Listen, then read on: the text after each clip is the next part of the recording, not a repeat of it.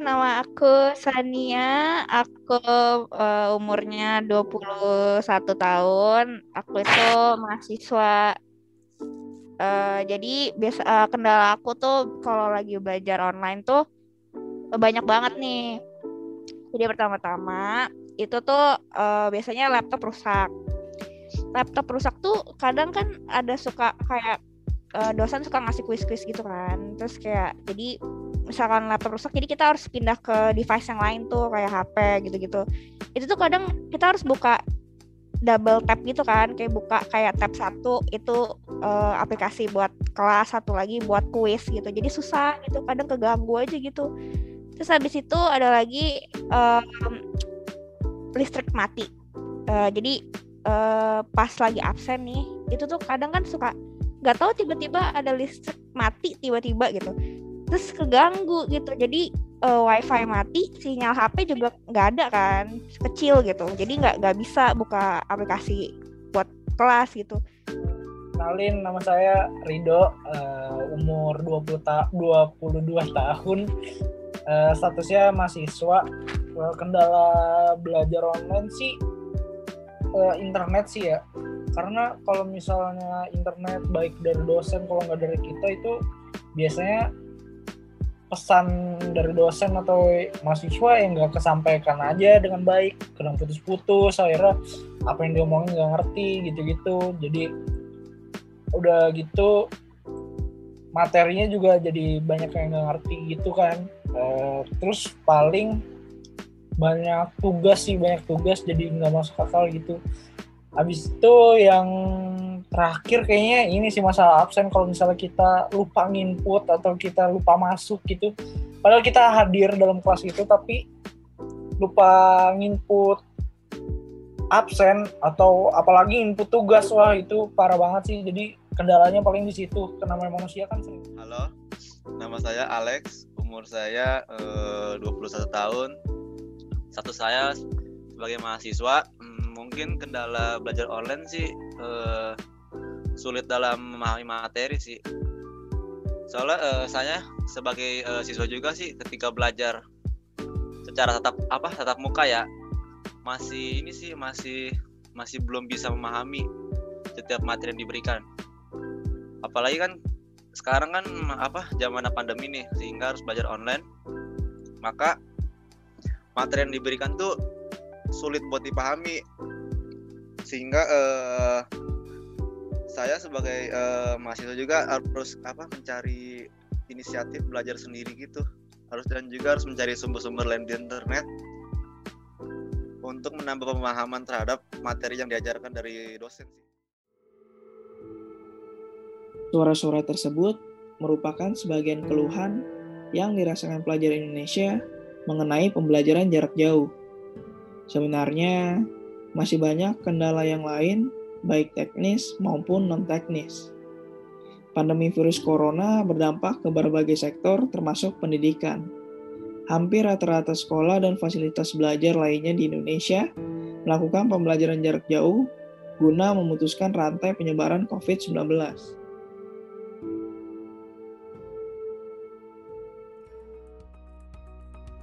Awal tahun 2021, pemerintah terus mengencarkan program vaksinasi agar terlaksana dengan cepat dan meluas. Tenaga pendidikan pun termasuk yang diprioritaskan. Sebagaimana yang dikutip Presiden Indonesia, Joko Widodo, dalam podcast bersama Adi Makarim dengan tema Hari Pendidikan Nasional yang diupload pada tanggal 2 bulan Mei 2021. Berikut adalah kutipannya. Pemerintah uh, sudah memulai vaksinasi bagi uh, tenaga pendidik dan kependidikan. Ini agar apa? Agar para pengajar ini terlindungi dan juga anak-anak kita bisa terlindungi dan anak-anak kita juga bisa segera sekolah tatap muka tapi terbatas, ya. tatap ya. muka terbatas. Ya. Harapan saya ini seluruh tenaga pendidik, tenaga kependidikan dapat segera divaksinasi karena saya telah menyampaikan ke Menteri Kesehatan beri prioritas dan eh, dengan segala daya dan upaya kita ingin segera mengembalikan anak-anak kita ke sekolah, tapi juga dengan catatan harus aman. Dengan diadakannya vaksinasi itu sendiri, merupakan sebuah harapan terlaksananya proses kegiatan belajar tatap muka yang rencananya akan dimulai pada bulan Juli mendatang.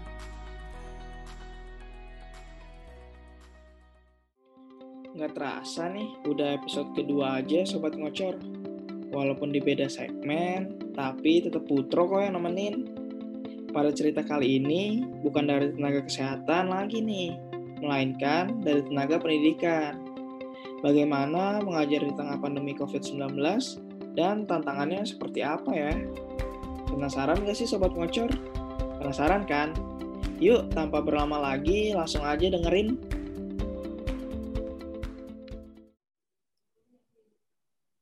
Halo Ibu Ayu, apa kabar? Apakah baik-baik saja? Alhamdulillah, baik-baik aja nih Putro. Gimana Putro kabarnya? Baik dong Bu, pastinya Bu. Uh, sebelumnya, selamat datang di podcast Ngocor, Ngobrolin Corona, pada episode kedua nih.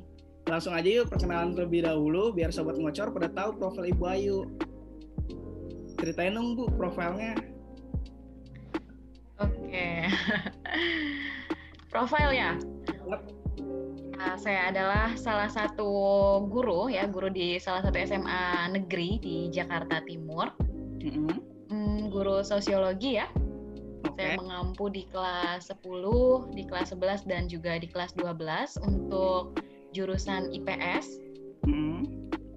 Uh, terus kemudian saya adalah lulusan UNJ Universitas Negeri Jakarta untuk program studi pendidikan sosiologi tahun 2017 saya lulus, kemudian saya sempat bekerja juga di SMA di Jakarta Utara, kemudian sekarang penempatan di Jakarta Timur nih, Putro.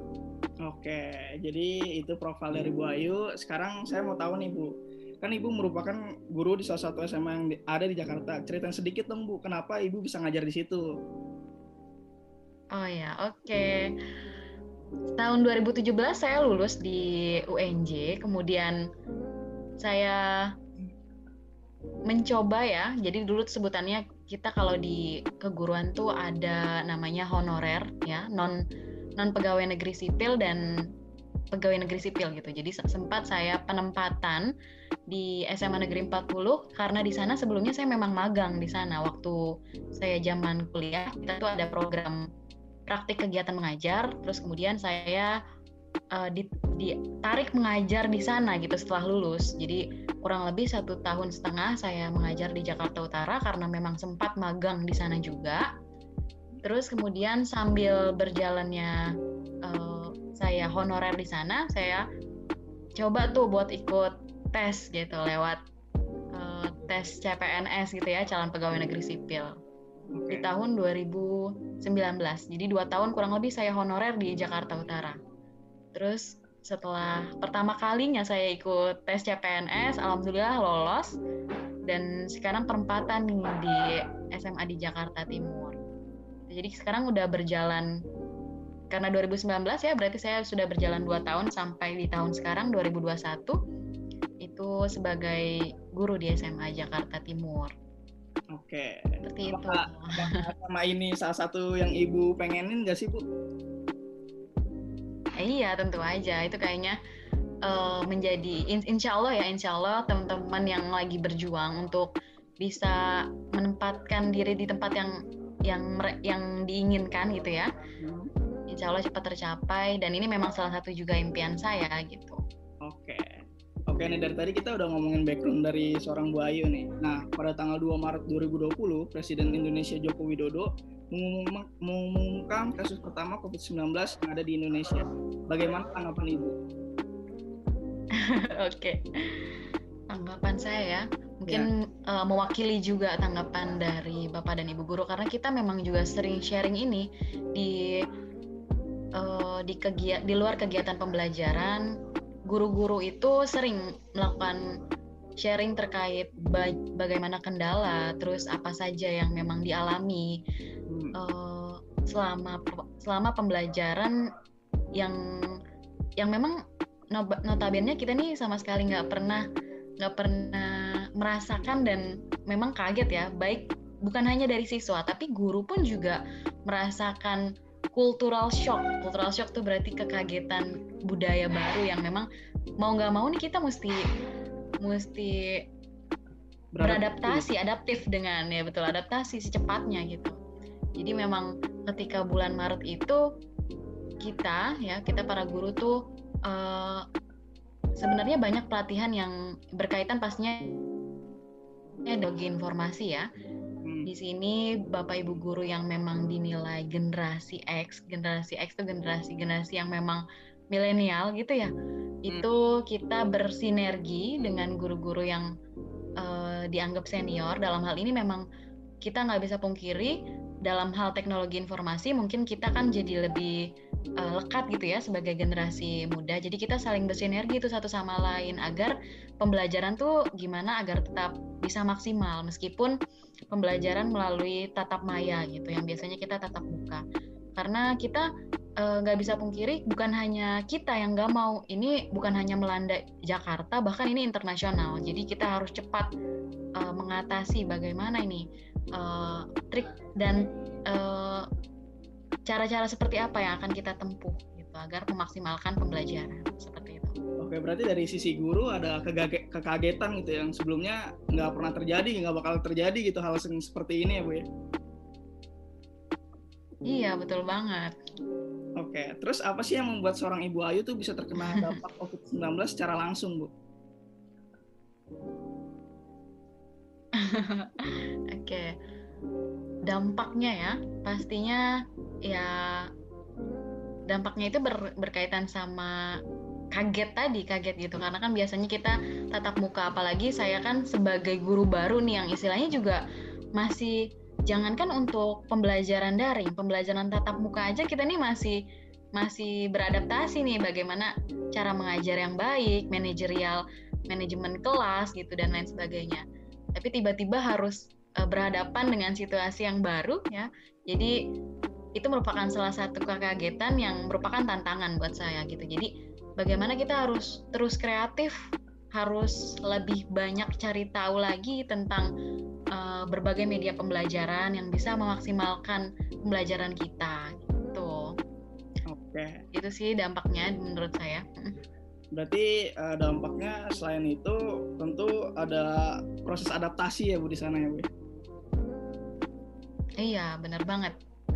Terus target pencapaian belajar nih Bu selama pandemi pasti berbeda dong dengan kondisi normal pas tatap muka dengan online.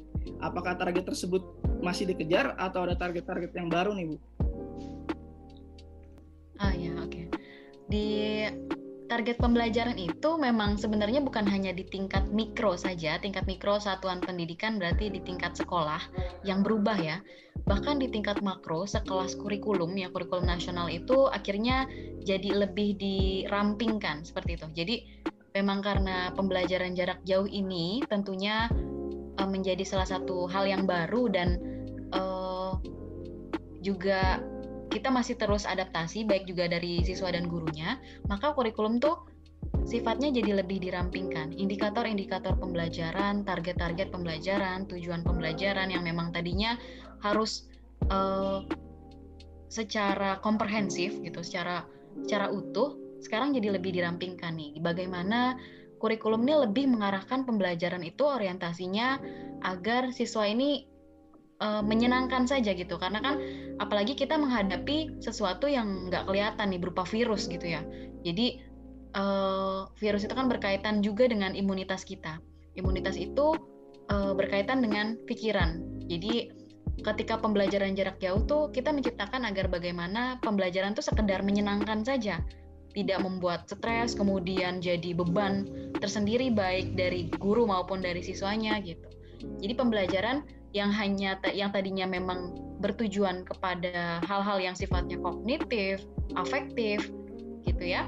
Hmm. Jadi lebih kepada hal yang bersifat uh, menyenangkan, tapi juga tidak meninggalkan esensi dari pembelajaran itu sendiri. Jadi misalkan materinya harusnya bisa mencangkup uh, lima materi gitu ya sederhananya, lima materi atau lima subbab gitu. Tapi jadi lebih dirampingkan menjadi tiga subbab. Yang kemudian dua subbabnya itu bukan berarti ditinggalkan tapi uh, sekedar diringkas pada tiga bab selanjutnya. Karena memang pada bab di pembelajaran itu kan saling berkaitan satu sama lain. Jadi memungkinkan kita untuk membahas materi-materi yang tidak masuk ke dalam tujuan pembelajaran kita. Seperti itu. Oke, berarti uh, ada contoh kasusnya nggak sih Bu? Misalnya saya saya kasih contoh. Mm -hmm. Misalnya ibu pas belajar o, uh, offline tatap muka itu itu siswa-siswa mendapatkan nilai yang bagus di saat ulangan. Dalam artian saya mengasumsi bahwa siswa memahami apa yang guru sampaikan pada saat proses tatap muka. Nah kalau di online, apakah ada perubahan ibu? Wah drastis banget itu Putro. Gimana tuh Bu? Jadi oh soal pemahaman siswa tuh kita nggak lagi nggak lagi bicara 100% siswa tuh paham gitu. Hmm. Sekedar 70% siswa paham tuh udah sangat amat bersyukur gitu. Kalau menurut saya ya. Hmm. Karena memang eh, ketika pembelajaran jarak jauh itu nggak dipungkiri berbagai kendala dihadapi gitu. Baik kendala teknis maupun juga non teknis. Jadi eh, kendala teknis misalkan berkaitan dengan sarana prasarana yang dimiliki oleh kedua belah pihak ya dalam hal ini guru dan siswa. Terus kemudian juga berarti kalau dari sarana prasarana ada ada laptop kemudian juga hmm, kuota internet gitu kan ya. Meskipun akhirnya kendala-kendala teknis ini bisa di bisa diatasi oleh satuan pendidikan sekolah baik uh, baik dari tingkatan sekolah sampai pemerintah memberikan bantuan berupa kuota gitu tapi tidak bisa kita pungkiri bahwa kuota itu tuh nggak bisa mencangkup seluruh siswa gitu. Mungkin yang terdaftar di sana adalah yang lebih yang lebih bisa terkena dampaknya itu adalah anak-anak kita yang KJP ya, berarti di bawah yang memiliki lower class ekonomi gitu. Itu uh, mereka lumayan sang, lumayan sangat terdampak sih menurut saya. Karena memang jangankan untuk sekedar membeli kuota internet gitu. Mereka untuk karena pandemi ya hmm. untuk sekadar makan aja jadi susah gitu. Karena kan orang tua mereka banyak juga yang di PHK gitu. Terus kemudian juga uh, ya dalam berbagai hal ya pasti terdampak dari segi ekonominya gitu. Oke.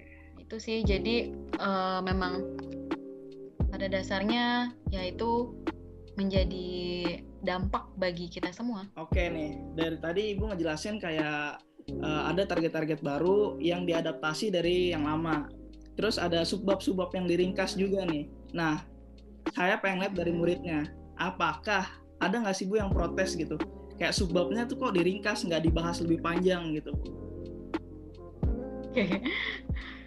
Kayaknya mungkin murid-murid rajin kali ya kalau yang iya. kalau yang uh, uh, jadi kayak kalau misalkan berkaitan dengan perubahan-perubahan di tengah pandemi ini memang sebelumnya tuh kita pasti selaku guru sebagai penyelenggara pendidikan itu udah pasti menjelaskan gitu. Jadi uh, apa saja yang akan kita bahas, tujuan pembelajaran apa saja yang akan kita bahas itu sebelum kita memulai pembelajaran. Jadi tujuan, indikator, pencapaian gitu ya, itu memang dibahas sebelum uh, pembelajaran itu berlangsung dan kenapa kemudian tujuan-tujuan itu yang uh, diterapkan di dalam pembelajaran itu juga alasan-alasannya juga di, dijelaskan oleh guru gitu terutama terkait dengan pandemi dan memang uh, it, kurikulum nasional itu memang memang seyogyanya diselenggarakan kepada seluruh satuan pendidikan. Tapi nyatanya kita selaku penyelenggara pendidikan terkecil gitu ya di tingkat kelas, memang kita ini uh, memang bebas saja karena merdeka belajar ya slogan kita kita bebas saja nih menyelenggarakan pendidikan sesuai kurikulum masing-masing. Sesuai dengan uh, kriteria peserta didik yang memang kita ampu gitu. Nyatanya kesepakatan itu memang kita buat sebelum uh, pelaksanaan pembelajaran. Misalkan tadi ada lima bab terus kemudian kita mau ringkas menjadi tiga bab. Kita jelaskan mengapa uh, hanya tiga bab gitu. Dengan dengan tadi ya bahwa dua bab tadi bukan berarti ditinggalkan tapi tiga masih dibahas dalam dalam tiga bab yang kita rangkum. Hanya saja mungkin pembahasannya tidak secara komprehensif gitu. Tapi uh, se sejalannya dengan pembelajaran sampai saat ini sih belum ada ya siswa yang protes sampai saat ini gitu. Jadi kalau misalkan pun nanti ada pembelajaran yang menurut mereka kurang dipahami itu pasti terus ada kita tuh terus ada komunikasi gitu.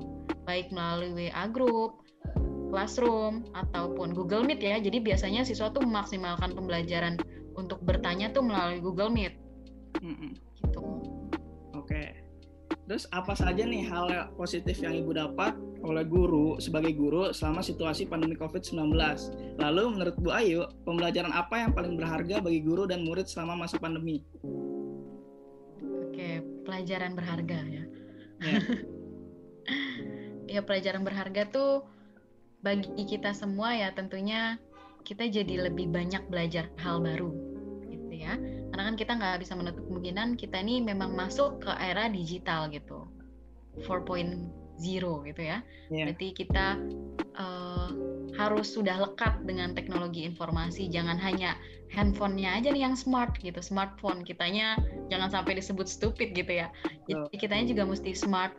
Bagaimana cara penggunaan teknologi itu? Karena teknologi itu bisa membawa kita ke arah uh, yang negatif tapi sangat sangat bisa membawa kita kepada hal-hal yang positif gitu. Iya. jadi uh, kita ini beradaptasi untuk bisa menjadi manusia 4.0 ses- sesungguhnya gitu. Itu sih yang menjadi pelajaran berharga untuk saya gitu ya. Terutama biasanya bapak dan ibu guru tuh kan udah ruwet dengan urusan administrasi.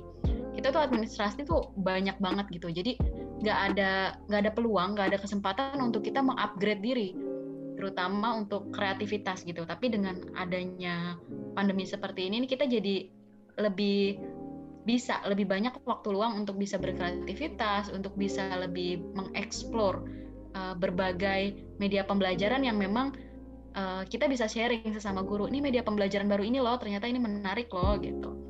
Nah itu uh, salah satu dampak positif bagi guru ya.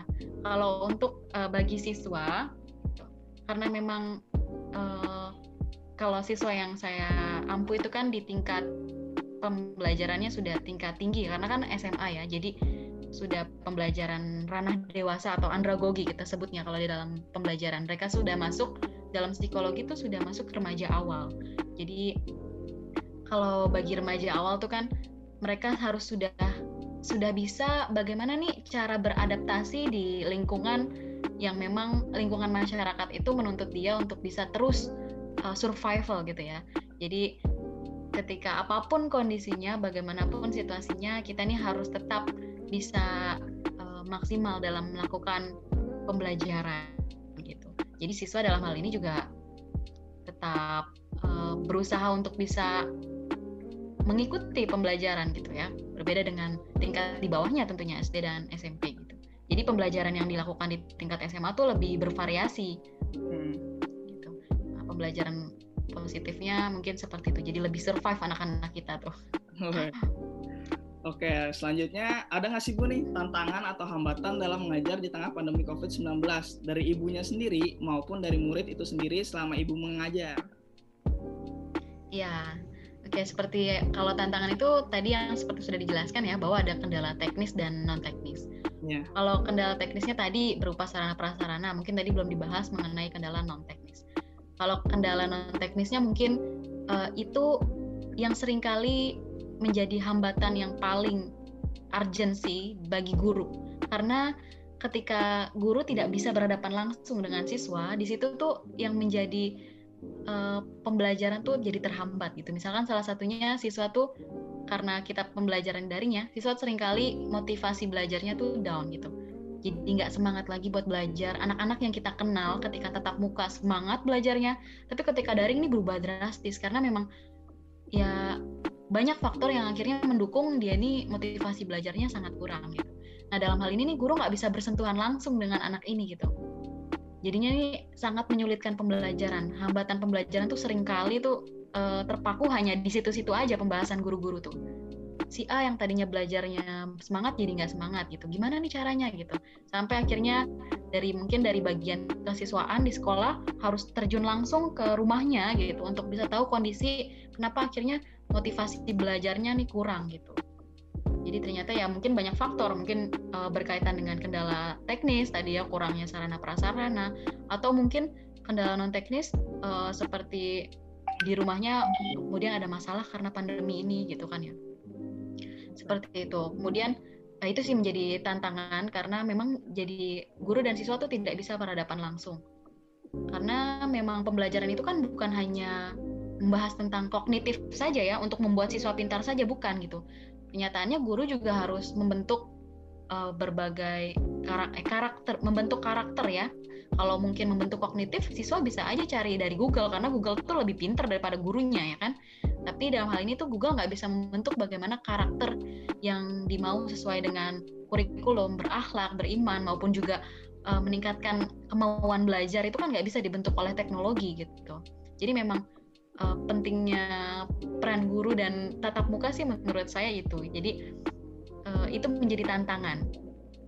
Selain itu juga kalau berkaitan dengan tantangan mungkin juga selain jadi guru ya jadi peran saya di wali kelas itu tuh lumayan banyak masalah yang terjadi jadi banyak guru hmm. laporan terkait eh, anak-anak uh, yang saya ampu ya wali kelasnya saya itu bahwa banyak masalah misalkan karena adanya miskomunikasi karena kita kan pembelajarannya melalui daring nih jadi hmm. mungkin komunikasinya kan jadi sekunder ya, jadi melalui perantara.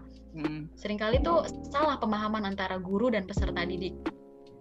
Misalkan guru menganggap hal hal yang di chat ya, karena melalui chat dibilangnya kasar ataupun uh, tidak sesuai lah. Guru tidak berkenan dengan komunikasi yang di apa namanya yang dijalankan oleh murid gitu lah melalui bahasa, kemudian juga mungkin melalui audio, mungkin melalui telepon gitu ya. Guru tuh sering kali kurang berkenan. Akhirnya banyak masalah cuma gara-gara hal yang menurut saya sepele gitu. Karena miskomunikasi tadi gitu kan. Kalau mungkin kita kan berhadapan secara langsung, kita bisa tahu bentuk ekspresi maupun juga bahasa tubuh gitu kan ya. Tapi kalau chat kan ya kita susah ya gitu. Jangankan untuk guru dan peserta didik yang istilahnya individu dan kelompok. Ini individu dan individu aja sering kali uh, miskomunikasi gara-gara chat gara-gara chat. Nah itu juga tuh menjadi salah satu tantangan tuh buat kita. Seringkali banyak guru laporan uh, karena anaknya dinilai kasar, dinilai arogan, dinilai tidak tahu sopan santun karena mengabarkannya malam gitu. Karena kalau belajar daring nih, kita nih jadi nggak ada waktu belajar bisa sampai jam 8, anak tuh masih bisa menghubungi kita jam tengah malam bahkan kayak gitu. Itu tantangan sih. Oke dari tantangan itu uh, solusi-solusinya pasti udah ada ya bu ya? Hmm oke. Okay. iya solusi. Terus lanjut ke, ke pertanyaan berikutnya. Nah, bagaimana menurut Ibu mengenai sistem pembelajaran jarak, jarak jauh sejauh ini? Apakah sudah cukup efektif dan anak-anak beserta guru sudah terbiasa dengan teknologi. Iya, efektif atau belum ya? Hmm. Jadi hmm, banyak juga penelitian karena memang kita sudah berjalan hampir dua tahun ya, mungkin hmm. dua tahun, ya hampir dua tahun kita melaksanakan pembelajaran lewat uh, daring. Banyak penelitian yang memang sudah dilaksanakan untuk me menguji seberapa efektif pembelajaran jarak jauh kita selama ini gitu. Dan memang secara secara akademisi gitu, saya bisa nilai bahwa pembelajaran kita nih sudah mulai terbiasa. Bahkan di tingkat SMA pun anak-anak nih udah mulai lebih senang belajar daring dibanding belajar tatap muka. Seperti itu bahkan. Padahal di tahun pertama itu mereka uh, ya itu banyak masalah sampai sampai mereka tuh istilahnya menuntut kapan sih Bu kita belajar tatap muka gitu tapi ini mulai sekarang nih saya mulai melihat bahwa anak-anak nih udah mulai nyaman nih kalau belajarnya lewat daring aja gitu. Jadi bahkan ketika ada masalah pun di tingkat SMA, uh, eh, kita tuh sebagai guru tuh bahkan uh, menjadikan belajar tatap muka tuh sebagai sebuah tameng gitu. Misalkan ya udah kalau belajarnya kayak gini terus, belajarnya tugasnya susah terus kayak gini, belajarnya tatap muka aja ya gitu terus nanti anak akan bilang nggak mau bu saya mau belajar di rumah aja gitu. Jadi mulai terbiasa kalau kalau di tingkat uh, eh, SMA ya. Hmm. gitu. Jadi kalau pembelajaran mungkin andragogi begitu juga sih mungkin dirasakan anak kuliahan gimana kalau menurut Putro lebih senang belajar daring atau belajar offline? Kalau saya benar kata anak-anak bu saya setuju. Saya udah terbiasa dengan daring sih bu. Iya kan? Gitu. Ya. jadi memang mungkin pembelajaran yang andragogi tadi pembelajaran tingkat dewasa tuh kita cepat adaptasi dan jadi memungkinkan kita tuh lagi uh, mulai mulai mulai apa namanya transisi kita tuh mulai mulai ke pembelajaran daring gitu ya. Seperti memang juga bapak eh, mas menteri gitu ya. Mas hmm. menteri juga udah menentukan kita ini akan tatap muka terbatas. Jadi tatap muka terbatas tuh karena kita lebih banyak belajar daringnya nanti per bulan Juli gitu. Tapi berbeda dengan yang uh, masih pembelajaran di tingkat SMP dan SD karena kebetulan uh, di keluarga saya itu juga ada beberapa guru SD. Nah, beda banget tuh, beda jauh tuh dari hasil kuesionernya. Kita kan juga bikin kuesioner ke orang tua murid, ke peserta didik gitu. Gimana nih uh, apakah mau melaksanakan pembelajaran jarak jauh atau mau pembelajaran tatap muka? Itu 90% lebih dari mereka tuh uh, ngotot untuk pembelajaran cepat tatap muka seperti itu. Beda ya, beda jauh banget hasil kuesionernya gitu. Oke. Hmm. Nah, dari kita udah ngomongin panjang lebar nih Bu mengenai kegiatan belajar mengajar di tengah pandemi COVID-19. Nah, Sarah, sekarang saya pengen tanya, apakah bantuan yang diberikan oleh pemerintah sudah cukup mendukung kegiatan belajar dan mengajar dalam situasi seperti ini? Uh, ya, bantuan pemerintah ya. Yeah. Bantuan pemerintah dalam hal ini uh, di tingkat di tingkat satuan pendidikan di tingkat SMA itu memang sempat gencar-gencarnya bantuan itu diberikan di kurang lebih satu tahun awal kita menghadapi pandemi hmm. gitu tapi mungkin setelah itu kita uh, bantuan itu setahu saya karena saya sebagai wali kelas jadi saya yang mengapprove untuk bantuan itu langsung kepada siswa-siswa saya, siswa-siswa saya gitu hmm. di kelas tersebut gitu. Jadi kita sebagai wali kelas tuh perlu mengapprove mana siswa-siswa yang membutuhkan gitu. Terus nanti uh, dari sekolah akan tapi dibatasi per, per kelas itu berapa orang gitu. Nah itu memang gencar-gencar tuh di satu tahun kurang lebih satu tahun awal lah pandemi itu. Tapi sekarang tuh kayaknya tuh jarang ya, hampir-hampir nggak pernah lagi gitu. Dan bantuan itu memang uh, diberikan itu um, hanya untuk ya memang bagus ya bagus. Hanya untuk kegiatan-kegiatan belajar. Seringkali me memang media pembelajaran yang diberikan guru itu di luar uh, aplikasi-aplikasi yang disediakan oleh pemerintah gitu. Misalkan dalam hal ini ada rumah belajar kemudian ada classroom gitu. Bahkan bahwa sering kali tuh juga bantuan dari pemerintah tuh awalnya ya awalnya YouTube tuh tidak bisa diakses gitu Yeah. YouTube uh, padahal YouTube tuh sering sering kali digunakan oleh guru tuh sebagai salah satu media pembelajaran gitu. Jadi guru uh, bikin video terus kemudian dimasukkan di YouTube channelnya gitu. Tapi uh, di kuota yang diberikan pemerintah tuh tidak bisa mencakup itu. Hmm. Itu di satu tahun awal lah. Tapi kemudian setelah satu tahun setelah satu, satu tahun berlalu itu bantuan tetap. Tapi bagi anak-anak yang memang sudah terdata sebagai anak KJP gitu kalau kalau Putra tahu. Nah itu jadi nggak semuanya. Kalau dulu kan semua nih. Kalau kemudian mulai sekarang-sekarang ini nih hanya bagi siswa-siswa yang KJP. Tapi untungnya bagi siswa yang KJP itu dia lebih bisa ke semuanya tadi aplikasinya YouTube sekarang sudah bisa. Terus juga berbagai media pembelajaran tuh sekarang udah bisa mencangkup di kuota yang disediakan pemerintah. Tapi hanya untuk siswa yang KJP tadi. Gitu. Nggak ke semua ya. Dulu juga di awal-awal tuh guru satu tahun pertama tuh juga diberikan bantuan tuh sekarang udah nggak lagi oke Terus dilansir dari sehatnegriku.kemkes.go.id, pemerintah seiring berjalannya waktu sudah memulai program kegiatan vaksinasi terutama bagi para tenaga pendidik. Nah sebelumnya saya pengen tanya ke Ibu, apakah Ibu sudah divaksin? Sudah, saya sudah divaksin tanggal 4 kemarin tanggal 4 April. Oke vaksin pertama jadi kan vaksin kan dua kali ya nih hmm. belum jadwal vaksin yang kedua nih insya Allah nanti tanggal 17. Oke Bu, saya lanjut ke Bu pertanyaannya. Mm -mm. Karena pemerintah menargetkan memulai kembali proses pembelajaran tatap muka pada Juli mendatang, apakah Ibu sendiri sudah divaksin dan siap untuk melakukan kegiatan pembelajaran tatap muka? Oke, okay. siap atau tidak melaksanakan pembelajaran tatap muka? Siap pastinya. Okay. Karena tadi ya, karena banyak kendala dan juga uh, bahwa pembelajaran tuh nggak hanya cuma kognitif jadi kita tuh mesti harus juga dalam hal afektif ranah afektif ya psikomotorik keterampilan gitu. Itu juga harus dibentuk dalam pembelajaran tatap muka. Jadi saya sangat siap untuk pembelajaran tatap muka. Oke. Muridnya siap nggak nih bu? Ya ya mau mau harus siap ya karena nggak tadi kita harus kita harus juga menjelaskan ke serta didik bahwa nggak cuma nggak cuma ranahnya kognitif aja nih kamu juga harus bisa dalam hal keterampilan life skill gitu kan ya? Life skill juga karakter gitu. Jangan sampai nanti kognitifnya bagus tapi karakternya bobrok semua nih gitu. Yeah. strateginya apa sih bu buat nanti new normal untuk sekolah gitu tetap muka? Apakah setengah-setengah gitu muridnya masuk atau gimana bu?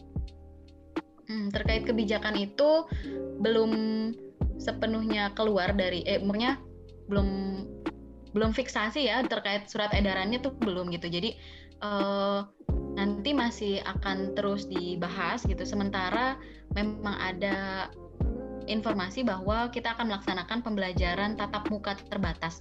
Berarti kalau tatap muka terbatas tuh ya bisa diatasi dengan setengah-setengah tadi. Misalkan satu kelas itu kita kan ada peserta didiknya itu kurang lebih ada 36 sampai 40 siswa. Jadi nanti uh, sebagian siswanya itu di rumah dan sebagian lagi di kelas, tapi nanti setiap kelas tuh kayak uh, macam ada proyektor yang sama aja jadi ada zoom juga gitu. Jadi sembari mengajar nanti uh, guru tuh disorot melalui kamera gitu yang akhirnya siswa di rumah juga bisa nyimak gitu. Jadi nanti besoknya minggu besoknya yang hari ini di rumah gitu di sekolah Tentu dampak COVID-19 ini tanpa kita sadari menghadirkan dampak-dampak tersendiri ke kehidupan kita. Nah, dari sisi positif yang Bu Ayu dapat dari COVID-19 untuk kehidupan seorang Bu Ayu apa nih? dampak positifnya ya? Ya. Ya, dampak positifnya kita jadi lebih uh, tadi bisa mengupgrade diri, berbagai media pembelajaran kita bisa lebih uh, mau tahu dan mau menguasai gitu. Tadinya saya nggak kepikiran buat uh, Instagram, Instagram yang berbasis pembelajaran ya. Tapi sekarang udah ada nih kita nih Instagram saya mungkin bisa di follow at socio at socio in action. Jadi di sana membahas tentang pembelajaran sosiologi ya. Hmm. Gitu. Jadi ya pastinya kalau pembelajarannya di Instagram jadi lebih menarik gitu. Nah itu salah satu dampak positifnya. Terus kemudian jadi lebih aktif lagi menggunakan media lain seperti blog yang tadinya saya udah vakum dari blog saya harus nulis lagi artikel karena nanti artikel-artikel itu bisa menjadi salah satu bahan untuk anak-anak saya bisa penugasan gitu ya tugas belajar. Kemudian juga YouTube YouTube channel yang tadinya saya hanya isinya hanya untuk have fun aja tapi juga sekarang bisa nih jadi ke, ke yang berkaitan dengan pembelajaran gitu. YouTube kayak ada di Rahayu Wilujeng di sana juga ada materi-materi pembelajaran. Jadi promosi terus saya Mani sebagai apa Bu? Ajang promosi. Oke. Okay. Nah, gitu terus sih kesan... itu dampak positifnya. Oke, okay, terus kesan dari Bu Ayu nih untuk sobat ngocor, untuk untuk pendengar dari ngocor sebagai tenaga pendidikan dalam menjalani kegiatan sehari-hari agar tetap semangat belajar di tengah pandemi COVID-19 nih Bu. Ah ya, oke okay, kita uh, harus untuk berkaitan dengan motivasi ya harus saling menyemangati satu sama lain tentunya. Itu karena nggak cuma di peserta didik aja guru mengalami rasa bosan rasa jenuh itu udah wajar aja gitu. Tapi bagaimana kita mesti menyadari bahwa hal ini tuh nggak terjadi sama kita aja. Ini tuh terjadi secara makro secara internasional yang mesti kita hadapi yang mesti kita uh, terus adaptasi gitu. Terus kemudian juga kita mesti menyadari bahwa anak-anak anak-anak kita yang kita ajar gitu ya sebagai generasi itu nggak boleh. Nggak boleh yang namanya tuh uh, regenerasi mas mengalami kemunduran. Regenerasi saat ini itu mengalami kemunduran. Kita harus tetap uh, bisa melaksanakan pembelajaran memaksimalkan pembelajaran meskipun pembelajaran yang kita lakukan ini eh, nggak uh, biasanya kita hadapi gitu. Jadi kita mesti ya saling menyemangati satu sama lain karena kan kita ada MGMP ya bisa sharing dari situ musyawarah guru mata pelajaran bisa saling support satu sama lain. Oke.